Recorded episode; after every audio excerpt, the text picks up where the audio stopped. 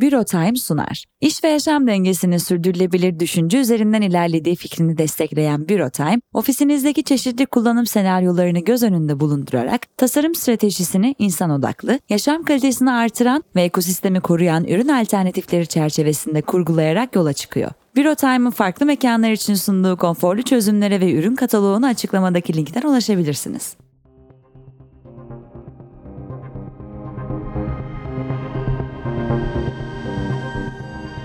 Parlamento yakın geçmişten herkese merhaba. Türkiye'nin yakın geçmişini incelediğimiz podcast serimizin 10. bölümüne hoş geldiniz. Geçtiğimiz bölümde anayasa değişikliklerine şahit olmuş, AK Parti'nin 2011 yılındaki başarısıyla iktidarını güçlendirmesini dinlemiştik. Bu bölümde ise iktidarın ılımlı siyasetten uzaklaşmaya başlamasını inceleyecek, ülke tarihinin ilk halk oyuyla seçilmiş Cumhurbaşkanı'nın görev başına gelişine tanık olacağız. Seçimin ertesi.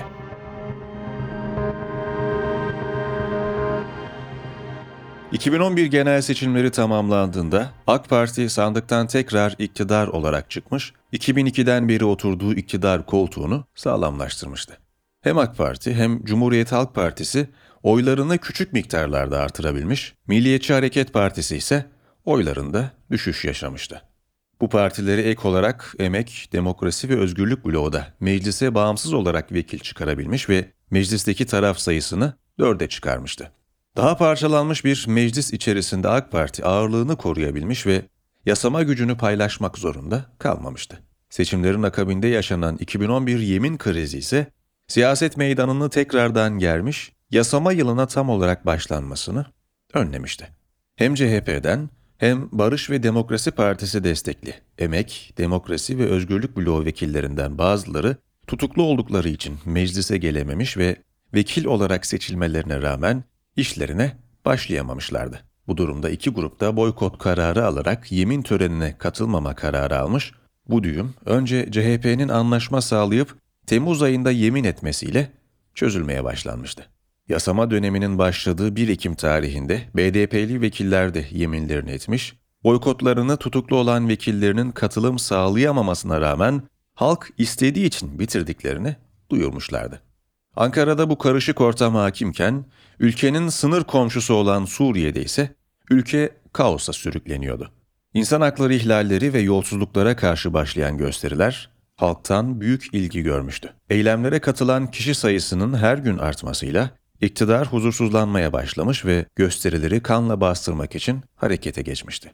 İktidarı protesto eden grupların üzerlerine ateş açılması ve orantısız güç kullanımının inanılması güç seviyelere ulaşması ülkeyi Temmuz 2011 itibariyle iç savaşa sürükleyecekti.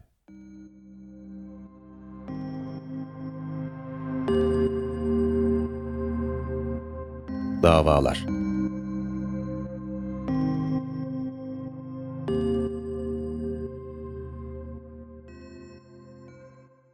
Mecliste yaşanan yemin krizinin başlıca sebeplerinden birisi de balyoz ve ergenekon gibi darbe iddiaları üzerine açılan soruşturmalardı. Muhalefete göre iktidar yargı üzerindeki gücünü kullanarak ülke tarihinde her zaman siyasi bir aktör olarak kalan orduyu pasifize ediyor, davaları siyasilere de bağlayarak güncel rakiplerini zayıflatıyordu. Dava süreci devam ediyor.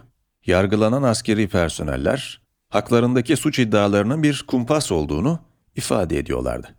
Aralarında vekiller, akademisyenler, emekli askerler ve gazetecilerin olduğu 65 kişi tutuklu olarak yargılanıyor. Geriye kalan pek çok askeri personel de kararın çıkmasını bekliyordu.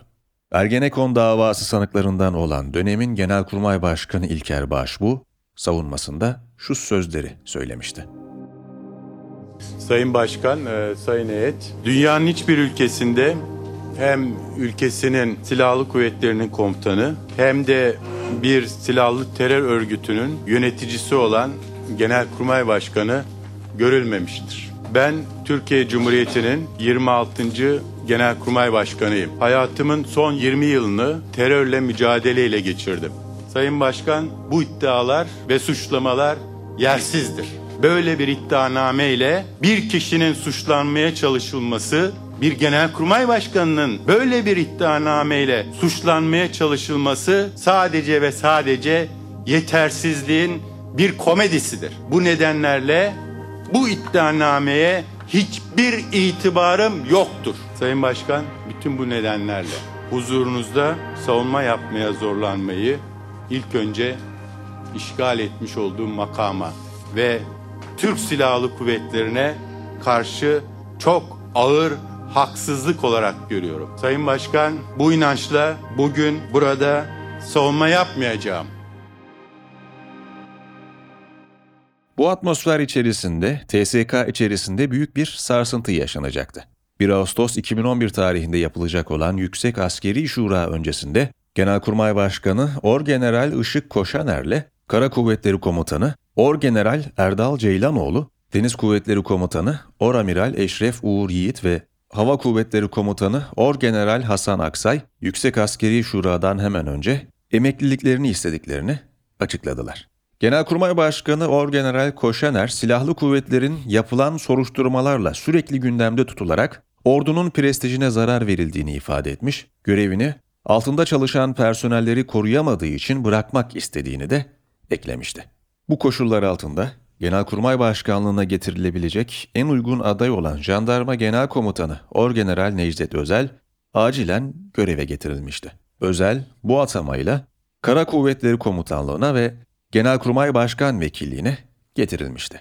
Yaşanan bu olaylar muhalefet tarafından sert bir şekilde eleştirilmiş, yargının AK Partili hale gelmesinin ülkeyi her yönden sarstığı yönünde açıklamalar yapılmıştı. Olayın askeriye için önemi ise daha büyük bir sarsıntıyı işaret ediyordu.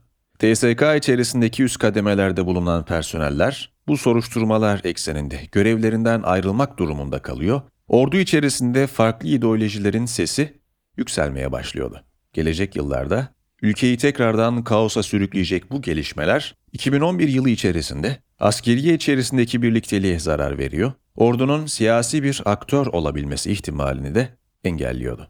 Ordunun siyaset sahnesinde pasifize edilmesi, ülkenin bir kısmı için 12 Eylül darbesinin intikamı olarak görülüyor ve takdir ediliyordu. Fakat orduya daha yakın hisseden vatandaşlar da yaşananları ülkenin temel sütunlarından birinin yıkılması olarak yorumluyorlardı. Bu yaşananlara ek olarak ülkenin güneydoğu ve doğu illerindeki çatışmaların devam etmesi, ülkede sürekli tartışılan bir konu olarak kaydedilmişti.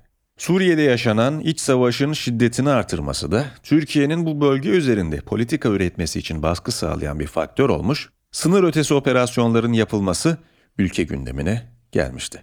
İktidarda olan ideolojinin sınır komşusu olarak etnik bir Kürt yönetimi istememesi de bu operasyonların oluşumuna katkı sağlayacaktı.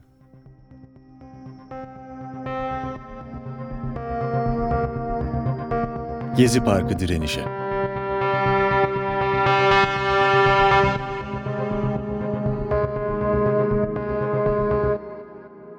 Takvimler 2013 yılını gösterdiğinde Türkiye tamamıyla polarize olmuş bir ülke statüsüne gelmişti.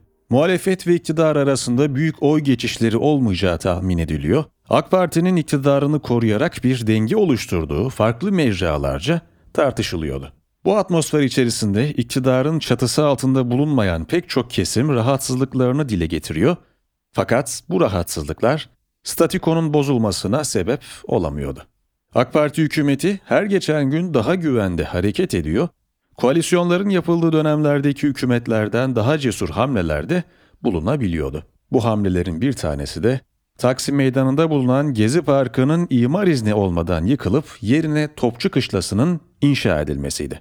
27 Mayıs 2013 tarihinde iş makineleri Gezi Parkı'na giriş yapmış ve yıkıma başlamıştı. Bu olayın haberi hızlı bir şekilde sosyal medya platformları üzerinden yayılmış ve Taksim Dayanışma Grubu üyeleri hızla olay yerine gelerek yıkım çalışmalarını durdurmuştu. 27 Mayıs günü içerisinde yaşanan bu olaylar Türkiye tarihine gezi direnişi olarak geçecek protestoların başlangıcı olacaktı. İş makinelerinin meydana girmesinin ardından oluşmaya başlayan direniş, her geçen gün daha fazla vatandaşın katılımıyla büyümeye ve farklı illere sıçramaya başlayacaktı. 28 Mayıs günü itibariyle siyasiler de direnişe katılmak için harekete geçti. BDP'li Sırrı Süreyya Önder, alana ilk giriş yapan isimlerdendi. Direniş öğeleri Gezi Parkı'nı gece gündüz koruyabilmek adına çadırlar kurmaya ve nöbet tutmaya başlamışlardı. Bu gelişmelerin ışığında 29 Mayıs sabahında polis kuvvetleri alana giriş yaptı ve protestoculara karşı orantısız güç kullanımına başladı.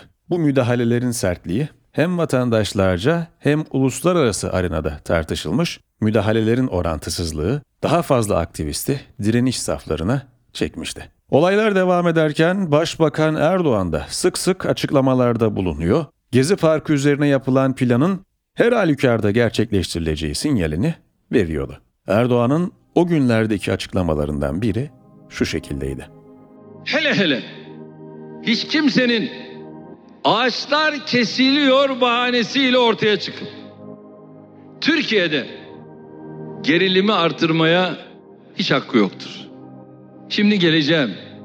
Çünkü biz bu tertipleri geçmişte çok yaşadık. Politika üretemeyen, plan, proje üretemeyen, muhalefetin illegal örgütlerle birlikte bu tertiplerde nasıl vazife aldığını, ortamı nasıl gerdiğini, nasıl tahrik ettiğini defalarca gördük ve yaşadık. Direnişe katılan grupların bu şekilde anlaşmaya uzak bırakılması, tarafların daha fazla polarize olması için zemin yaratıyordu. Polis kuvvetleri her gün sayıları artan protestoculara karşı daha sert tutum alıyor, müdahalelerin bilançosu sürekli artıyordu. 2 Haziran tarihinde Türk Tabipler Birliği'nin açıkladığı rapora göre yapılan protestolarda İstanbul ve Ankara illerinde binden fazla yaralı bulunuyordu. Rapor ayrıca bu yaralanmaların sebebinin polislerin vatandaşları direkt hedef alması ve kalıcı sağlık problemlerine neden olabilecek ekipmanların aşırı kullanımı olduğunu ifade ediyordu.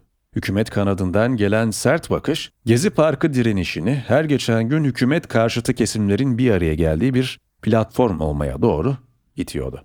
Vatandaşlar, görüşleri ne olursa olsun farklı şehirlerde toplanıyor ve hükümetin politikalarından rahatsızlıklarını seslendiriyorlardı. Farklı grupların bir araya gelmesinin en büyük örneklerinden birisi ise ideolojik sebeplerden ötürü iyi ilişkilere sahip olmayan grupların olaylar sırasında birbirlerini kollaması olarak kaydedilmişti. Örneğin antikapitalist Müslümanlar grubu ibadetlerini yerine getirirken direnişin diğer parçalarının grubu saldırılara karşı çember kurarak korumasıydı. Direnişe destek sadece aktivistlerden gelmemiş, ülkenin genelinde direnişe karşı sempati artış göstermeye başlamıştı. Meydanları dolduran vatandaşlar haricinde milyonlarca vatandaş evlerinden tencere tava çalarak direnişe desteklerini duyurmuşlardı. Bu uygulama hükümet tarafından eleştirildikçe olayların devamında günlük olarak uygulanan bir protestoya dönüşmüştü. Bu atmosfer içerisinde taraflar mücadeleye devam ediyor, polis şiddetini artırıyordu. Şu anda evlerinde bizim zorla tuttuğumuz bu ülkenin en az yüzde ellisi var. Ve biz onlara diyoruz ki aman sabırlı olun. Sakın bu oyunlara gelmeyin. Başbakan Erdoğan sert bir politika sürdürüyor. Dinlediğiniz gibi açıklamalarıyla gerginliği yüksek tutuyordu. Bu tutum hem ülkenin içerisinde bulunduğu politik bölünmüşlüğü ortaya koyuyor hem de başbakanın bu bölünmüşlüğü kullanabileceğini kanıtlıyordu. Her geçen günle birlikte olayların şiddeti artıyordu. Haziran ayı içerisinde devam eden olaylarda ise iç basında sessizlik uzun süre devam etmiş, seslerini duyuramayan protestocular basın organlarına karşı rahatsızlıklarını ifade etmişlerdi. Olaylar devam ederken protestocuların oluşturduğu çatı ise giderek genişliyordu. Sivil toplum kuruluşları, muhalefet partilerinden vekiller ve vatandaşlardan oluşan kalabalığa sürekli yeni katılımlar oluyordu. Özellikle ayrılıkçı grupların katılımı olayların akışını değiştirmiş, hükümetin hiddetini artırmıştı. Protestocular çapulcu, anarşist ve terörist olmakla suçlanıyor. Hükümetin yanlısı vatandaşlar da olaylara polis yanında katılmaya başlıyorlardı. Türkiye, herkesin gözleri önünde kaosa sürükleniyordu. Haziran ayının sonlarına gelirkense olayların sonu ufukta gözüküyordu. Protestocular kendi içlerinde tartışıyor, fikir ayrılıkları direnişin devamı için engeller teşkil etmeye başlıyordu. Bunun ötesinde ise hükümetin uyguladığı orantısız güç direniş öğelerini her geçen gün zorluyor, eksiltiyor ve yaralıyordu. 23 Haziran tarihinde güvenlik güçleri protestocuları meydanlardan atmış ve eylemlerin en aktif dönemini sonlandırmıştı. Bu sırada polisin orantısız güç kullanımını protesto etmek isteyen vatandaşlarsa Antalya'dan İstanbul'a doğru adalet yürüyüşünü başlatmışlardı. Tamamı yürüyerek yapılan bu protesto 20 Temmuz'da başlamış, 20 Ağustos tarihinde polisin protestocuları engellemesiyle sona ermişti. Gezi Parkı direnişi en canlı günlerini geride bıraktığında olayların bilançosuysa içler acısı bir durumu işaret ediyordu. Olayların sonunda aralarında kalıcı yaraların da bulunduğu binlerce yaralı vardı. Olayların yaşandığı bölgelerde büyük çapta tahribat yaşanmıştı. Ülke ekonomisi olaylardan kötü etkilenmiş, toplum içerisinde ise net bölünmeler yaşanmıştı.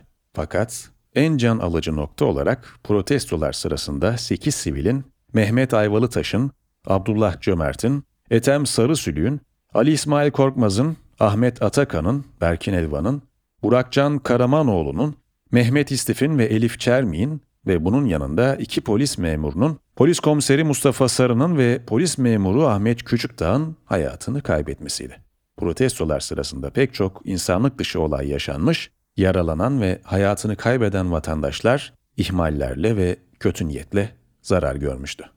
Gezi Parkı direnişi ayrıca AK Parti hükümetinin karşılaştığı en büyük protesto olarak kaydedilmiş, hükümetin takındığı sert tavır ve başvurduğu orantısız güç uluslararası arenada sıkça tartışılmıştı.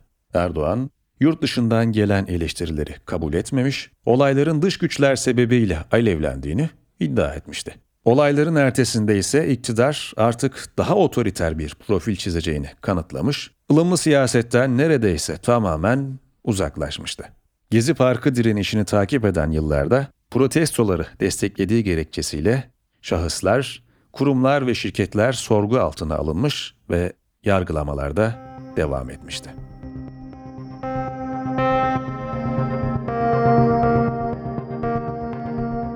İktidarın çalkantılı yılları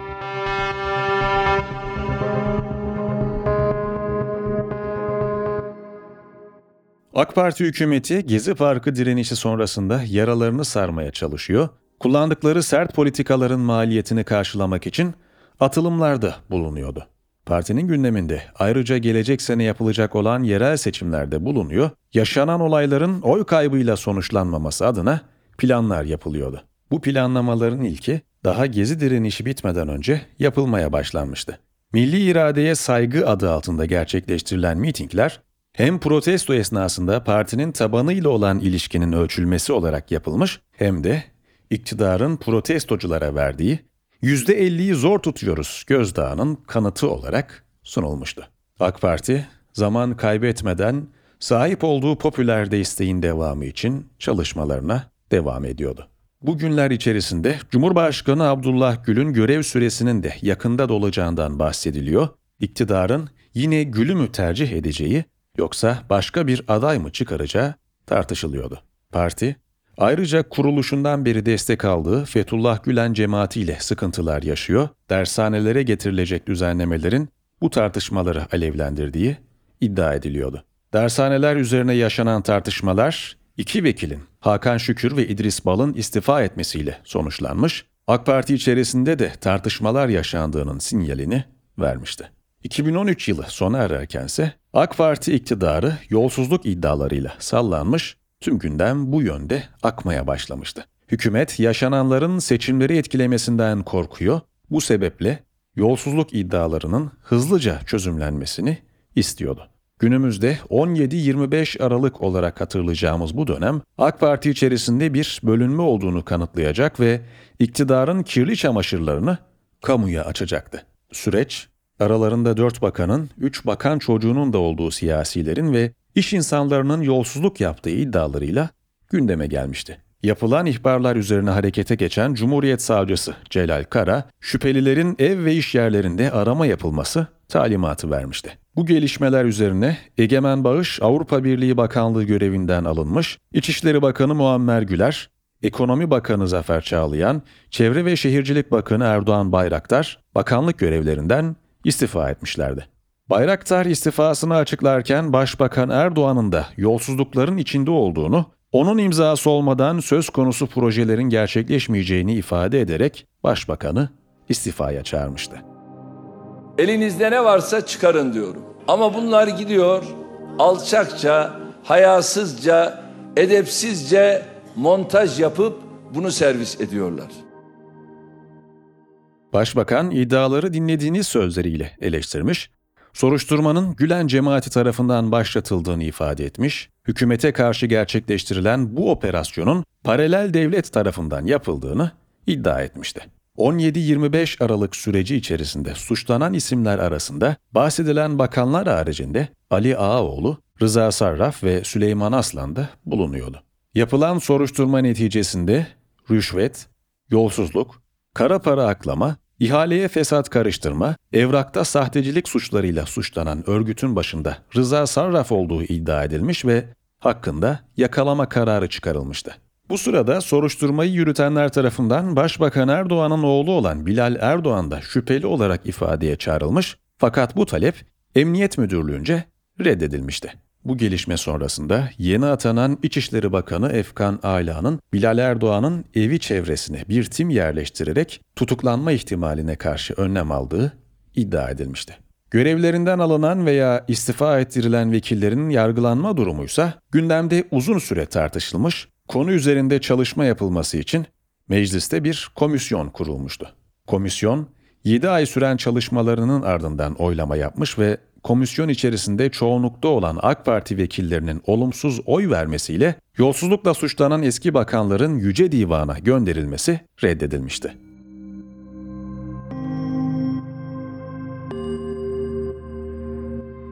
...2014 yerel seçimleri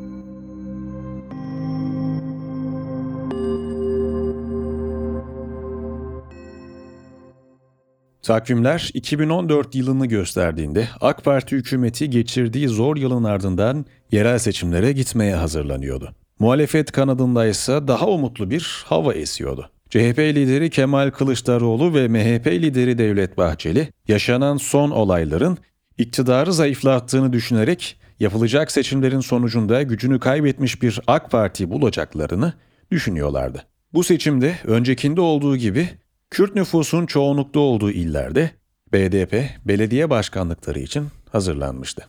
Son seçimlerden bu yana ise yeni bir parti siyasete katılmıştı. Halkların Demokratik Partisi 2012 yılında kurulmuştu ve siyasi spektrumda solda kalıyordu. HDP azınlık haklarını savunacağını ifade ediyor, ezilen herkesin temsil edilebileceğini halka duyuruyordu. Parti ülke tarafından başka bir Kürt partisi olarak yorumlanmıştı. HDP de 2014 yerel seçimlerine katılacağını ilan etmiş ve seçim hazırlıklarına başlamıştı. 30 Mart 2014 tarihi geldiğinde ise oy verme işlemleri başlamış, gün boyunca devam etmişti. Oy sayım işlemleri devam ederkense bir elektrik kesintisi yaşanmış. Enerji ve Tabi Kaynaklar Bakanı Taner Yıldız, yaşanan kesintinin trafoya kedi girmesi sebebiyle yaşandığını ifade etmişti. Yaşanan kesinti tartışmalara sebep olmuş ve seçimin geçerliliği üzerine de eleştiriler gelmişti. O günkü tartışmalar ve eleştirilere ilişkin Yıldız şu açıklamalarda bulunmuştu. Arkadaşlar, Gezi Parkı'nda ağaçların, yeşilliğin arkasına sığınan bir kısım e, insanlar bugün de elektriğin arkasına, direklerin arkasına sığınmaya çalışmaktadırlar. Bunu son derece yanlış buluyorum. E, Toroslar bölgesinde e, en fazla yıkılan direklerimiz e, oradadır. Mersin, Adana, Osmaniye, Hatay ve Gaziantep hizmet alanı. Gaziantep hariç bütün hepsinde muhalefet partileri e, kazanmıştır burada. Saygıyla karşılıyoruz. Oradaki seçmenlerimiz muhalefet partilerini tercih ettiler. Peki yani elektrik kesildi de ondan dolayı alamadık diyeceklerse yani herhalde yanlış bir teşhis koydular. Eskişehir'de yine seçmenimiz, oradaki vatandaşımız muhalefet partisine e, oylarını kullandı. E, Eskişehir'de de biz ne dedik seçimden önce? Öpüp başımızın üstüne koyuyoruz. Hangi seçim e, sonuçları varsa ister iktidarı isterse muhalefet partisi değişmez.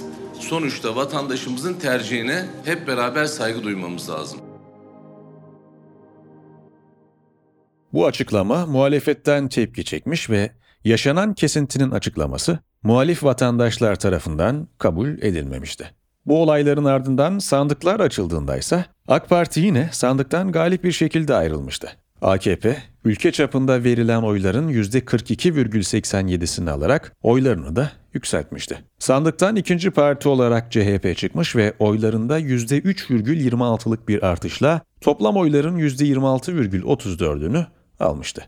Üçüncü parti olarak MHP çıkmış ve oy oranını %17,82 seviyesine taşımıştı. BDP ise %4,16 oy alarak dördüncü sıraya yerleşmişti.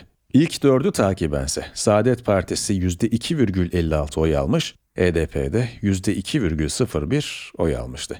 Seçimin sonuçlarına göre AK Parti beklenenin aksine bir çöküş yaşamamış, hatta statikoyu korumayı başarmıştı. Erdoğan liderliğindeki hükümet ülkedeki belediyelerin büyük bir çoğunluğunu kazanarak yerini koruyabilmişti.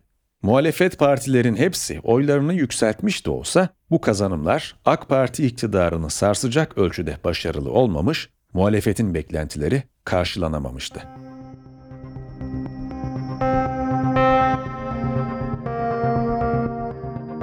...2014 Cumhurbaşkanlığı seçimi.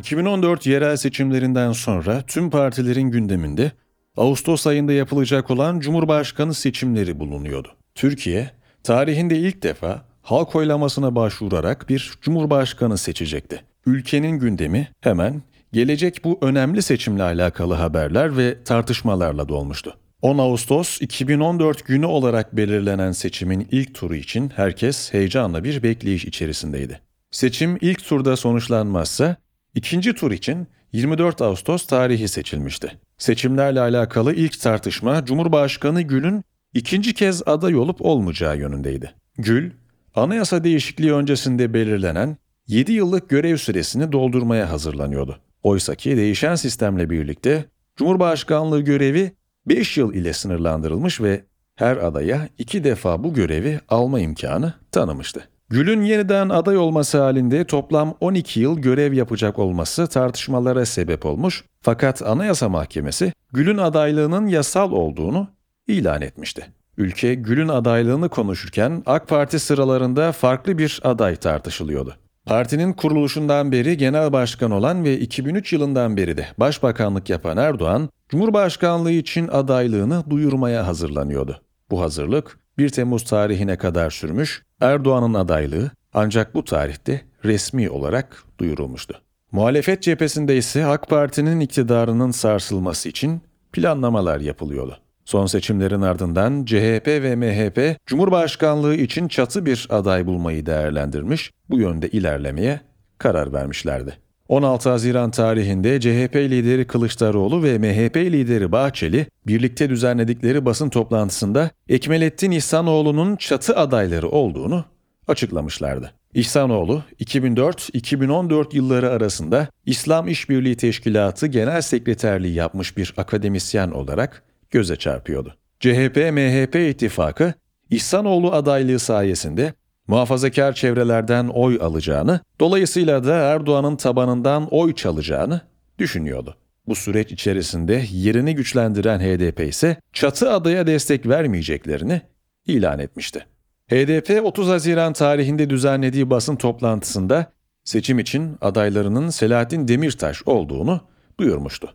Demirtaş, Gittikçe yaşlanan siyasiler arasında genç bir sima olarak göze çarpıyor, çözüm sürecindeki aktif rolüyle de etkileyici bir profil çiziyordu. 10 Ağustos tarihine kadar propaganda çalışmaları devam etmiş ve ülkede hali hazırda kendini gösteren bölünmüşlük, sosyal medya platformları üzerinde yapılan tartışmalarla tekrar kendini göstermişti. Seçim hazırlıkları sırasında Başbakan Erdoğan'ın diğer adaylardan daha uzun süre boyunca devlet kanalı olan TRT'de ekrana çıkması diğer adaylar tarafından eleştirilmiş, adaletsizlik yapıldığı ifade edilmişti. Seçim günü sandıklar açıldığında ise AK Parti ilk turda istediğini alabilmiş, Türkiye Cumhuriyeti tarihindeki ilk halk tarafından seçilmiş Cumhurbaşkanını kendi sıralarından çıkarabilmişti.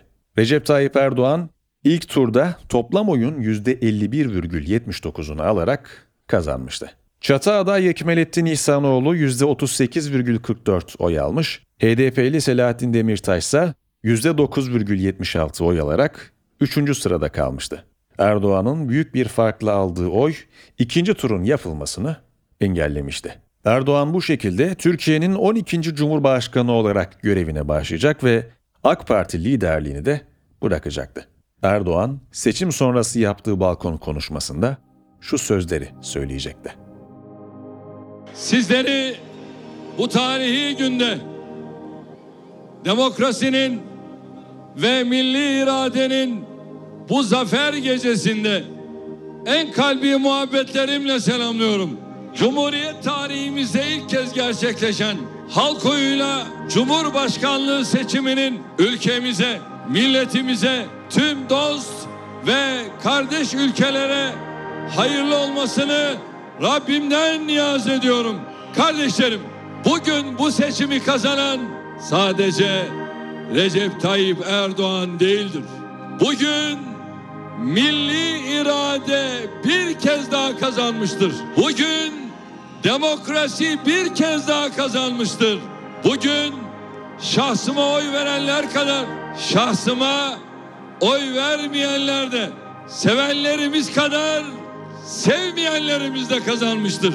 Bugün 77 milyon 81 vilayet kazanmıştır. Hiç kuşkusuz bugün yeni Türkiye, büyük Türkiye, öncü Türkiye kazanmıştır. Erdoğan'dan boşalan koltuğun doldurulması için yapılan AK Parti 1. Olağanüstü Kongresi ise yeni liderin eski Dışişleri Bakanı Ahmet Davutoğlu olduğunu halka duyuracak, iktidarda yeni bir dönem başlayacaktı. 2015 senesi başlarken Türkiye yeni bir döneme giriş yapıyordu. Erdoğan artık başbakan değil, Cumhurbaşkanı olmuştu. AK Parti'nin yeni lideri Davutoğlu ise seçim hazırlığına başlamış fakat iç karışıklıklar bu hazırlığın sekteye uğramasına sebep olmuştu. Gelecek bölümde Soma'dan 15 Temmuz'a uzanan 2015-2016 dönemini inceleyeceğiz. Parlamento yakın geçmiş her perşembe Apostol Radyo'da.